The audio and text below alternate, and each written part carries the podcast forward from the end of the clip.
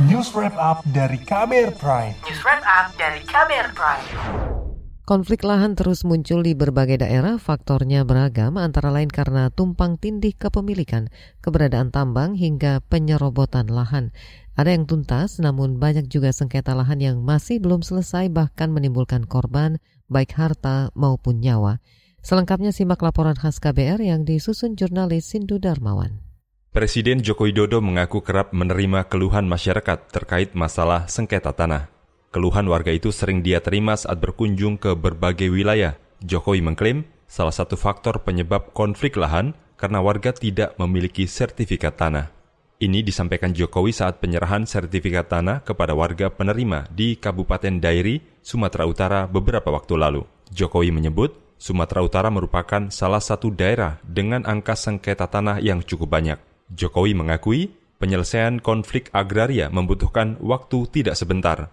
Namun dia memastikan sertifikat yang diberikan pemerintah akan menjamin kepastian hukum dari kepemilikan tanah milik warga. Karena setiap saya ke desa, setiap saya ke daerah, yang masuk ke telinga saya itu sengketa antara warga dengan warga, sengketa antara warga dengan pemerintah, warga dengan BUMN, warga dengan perusahaan swasta. Karena nggak pegang ini. Sejumlah upaya dilakukan pemerintah untuk menuntaskan konflik agraria, salah satunya melalui program reforma agraria. Pemerintah mengklaim reforma agraria bukan hanya ditujukan untuk mengurangi ketimpangan penguasaan, kepemilikan, penggunaan dan pemanfaatan tanah, namun juga meningkatkan kesejahteraan masyarakat.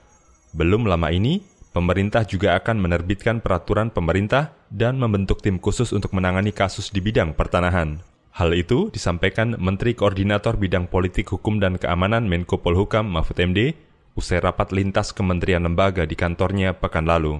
Rapat itu membahas vonis-vonis berkekuatan hukum tetap di bidang pertanahan yang harus dieksekusi oleh negara. Karena ini menyangkut masalah hukum yang rumit, di situ ada mungkin persoalan administrasi, ada persoalan mafia tanah, ada persoalan apa namanya tumpang tindih putusan dan sebagainya. Tadi diputuskan ini akan diselesaikan sebagai kewajiban negara dan untuk itu kami sementara memutuskan akan membentuk raturan pemerintah untuk melakukan assessment dan melakukan langkah-langkah lanjut disertai pembentukan tim.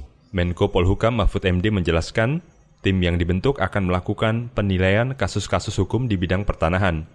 Mahfud juga mendorong tim-tim mafia tanah di Kejaksaan Agung, Polri, dan kantor staf presiden untuk terus menyelesaikan kasus-kasus yang sedang diusut. Pusat Studi dan Dokumentasi Agraria Sajogyo Institute menyebut permasalahan dan konflik agraria yang masih terjadi di lapangan mayoritas disebabkan oleh dorongan pembangunan infrastruktur skala besar dan timpangnya penguasaan lahan. Peneliti Sajogyo Institute Ahmad Jaitullah. Sebenarnya ada semangat atau ada political will yang cukup bagus pada presiden untuk perbaikan kebijakan reforma agraria. Cuma di prakteknya sebenarnya banyak sekali misal berapa ekosektoral antar kementerian yang nggak nyambung ya satu sama lain sehingga pas eksekusi itu gagal. Terus kedua misal ini ini tentu menjadi perhatian bahwa kayaknya harus diperkuat lagi nih aturan ini agar masing-masing kementerian itu bisa koordinasi lebih jauh, lebih baik lagi. Menurut Jaitulo, peraturan presiden tentang reforma agraria sudah cukup baik. Akan tetapi, kebijakan di atas kertas tidak diiringi praktik yang ada di lapangan. Ia meminta pemerintah lebih bijak dalam mengambil keputusan yang melibatkan masyarakat pengguna maupun pemilik tanah atau lahan.